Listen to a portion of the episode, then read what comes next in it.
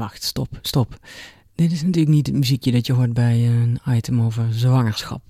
Nee, nee, dan moet je een muziekje horen met hoop en verwachting en iets dromerigs. Vooral niet iets om op te dansen of iets gestrest of waar je epileptisch op moet dansen. Hm, nee, ja. even denken. Nou ja, ik pak alweer gewoon het oude muziekje.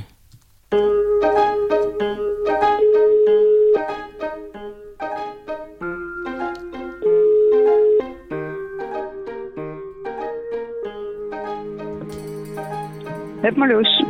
Wacht even. Dat is heel gek. Nou hoor ik jou alleen niet. Oh, Raar. Zeg eens iets. hallo? Nee, hoor je me? Ja, ik zie wel. Het komt wel binnen, alleen ik hoor zelf niks. Wacht even, daar ga ik even over nadenken. Zeg nu eens wat? Hallo? Ja, Ja? ik hoor je. Yay! Top. Hoeveel weken ben je nou? 29. Ja, we moeten gewoon nog wat meubeltjes. En eh, sommige mensen hebben wat dingetjes voor ons die we dan kunnen lenen. Moeten we even ophalen. En, eh, nou ja, en kleding ook. Dat, eh, we hebben nu alleen nog maar cadeautjes en, en enkele dingen die we zelf gekocht hebben. Maar ja, daar, daar gaat ze denk ik ook niet meer redden. Dus, maar ja, de, de- gewoon even één. En we hebben gewoon gezegd, we nemen gewoon augustus. Dus stel dat het dan af zou zijn, dan vind ik al dat we heel ruim zijn. Dus eh, Ja, ja, dus ik dat, ook. dus dat is het, eh, het doel. Want mijn man gaat eh, begin september nog, die doet nog mee aan, aan het WK. WK Ironman. Oh wow. Ja, dus eh, ja. Dat is, wat is dat 100, 140 kilometer eh, zwemmen, 6000 kilometer hardlopen en dan Ja. rond de aarde fietsen, toch? ja, hij, hij doet dan, eh, hij heeft ook hele gedaan, maar hij, eh, hij komt Oh, dit, sorry, ik maak een grapje, maar dit is serieus zo. Nee, ja, nee, ja de, de hele is iets van 3,8 kilometer zwemmen, eh 180 kilometer fietsen en dan een marathon.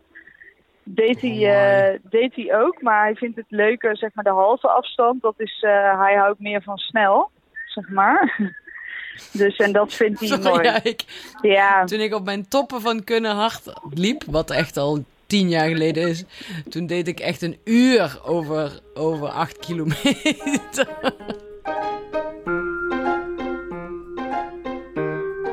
Dus ja, dan wil ik wel het calamiteitsplan. Dat als er iets is of zo, wie, wie ga ik dan bellen? En eh, wie gaat er dan met mij mee naar het ziekenhuis? Of eh, ja, de kans is natuurlijk Want super, super klein. Maar eh, Maar in hoeveel uur, in hoeveel uur is die terug? nou, omdat het in Zuid-Afrika is, ben je gewoon, ja, dat kost je gewoon een dag reizen. En zo'n Ja. wedstrijd, eh, zo'n wedstrijd kost gewoon wel een paar dagen. Omdat je moet je inschrijven op bepaalde dagen. Dan moet je de dag van tevoren moet je je, je fiets en eh, nou ja, allerlei dingen inleveren. En dat wordt dan ook allemaal gecheckt of het veilig is en zo. Dus, Hmm. eh, dus uiteindelijk is hij toch wel iets van vijf, zes dagen weg. Ja, een klein weekje. Ja, Hm. maar het is, Ja. wel, eh, het is wel prima. Maar ja, iedereen in de familie denkt, denkt opeens dat ik te vroeg, te vroeg ga bevallen. Maar ik heb zelf dat gevoel helemaal niet. Dus, maar ja, Ja, hij moet, hij moet juist nu gaan. Als jullie een kind hebben, kan hij echt niet meer zo makkelijk. daarom. Ja, dus ik zei, eh, ik zei ook al, eh, weet je, ga er gewoon vanuit dat je, dat je gewoon gaat. En als, als ik me niet lekker voel of hij, ik heb het gevoel dat hij er meer moeite mee heeft. Dus dat hij meer zoiets heeft van ik wil eigenlijk thuis blijven, maar ik wil ook gaan.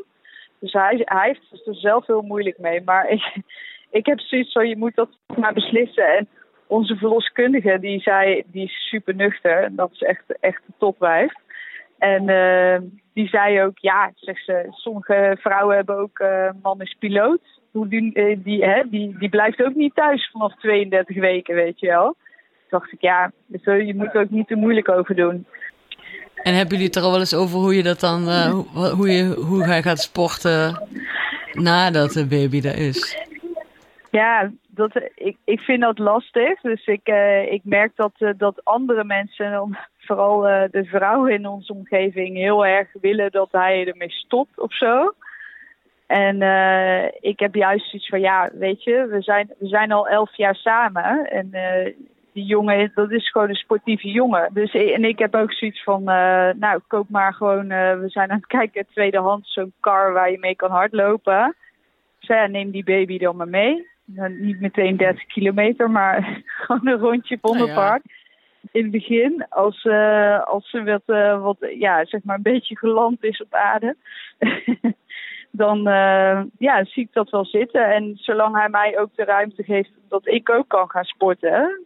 Dus dat ik niet alleen maar thuis zit op te passen, maar dat ik af en toe ook even, even een uurtje kan sporten om, uh, om nog iets uh, ervan U te maken. Moet even weten dat ik in mijn hele leven ja, eigenlijk nooit heb gesport. Ja, afgezien van het korfballen dat ik in Grubbevorst deed bij Grubbe 33, heet die club volgens mij.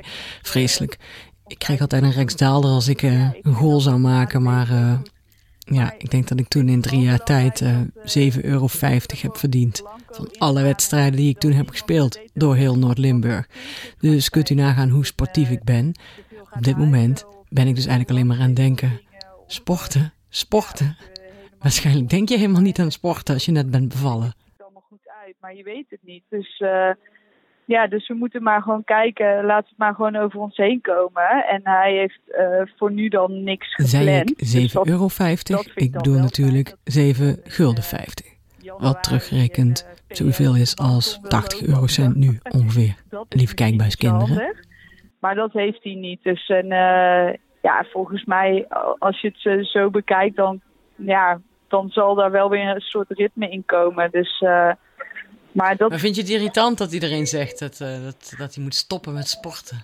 Ja, vind ik wel. Ik vind dat wel. Ik denk wel altijd van ja, we zien het wel. Laten we maar gewoon een beetje kachelen. En uh, ja, het, het komt wel goed. Ik ben niet zo'n gelover in, uh, in dat je je hele karakter op moet geven. En dingen die je leuk vond daarvoor, dat je die nooit meer kan doen of zo. hij hoeft voor mij echt niet naast mij te komen zitten kijk, als het kindje s'avonds slaapt, dan, uh, ja, als hij dan s'avonds wil gaan fietsen, ja, prima, doe je ding.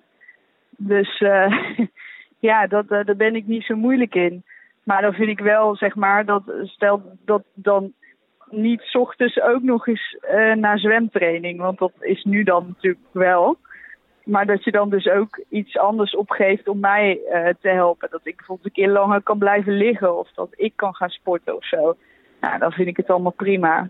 Dus uh, ja, ja, dat. Ah.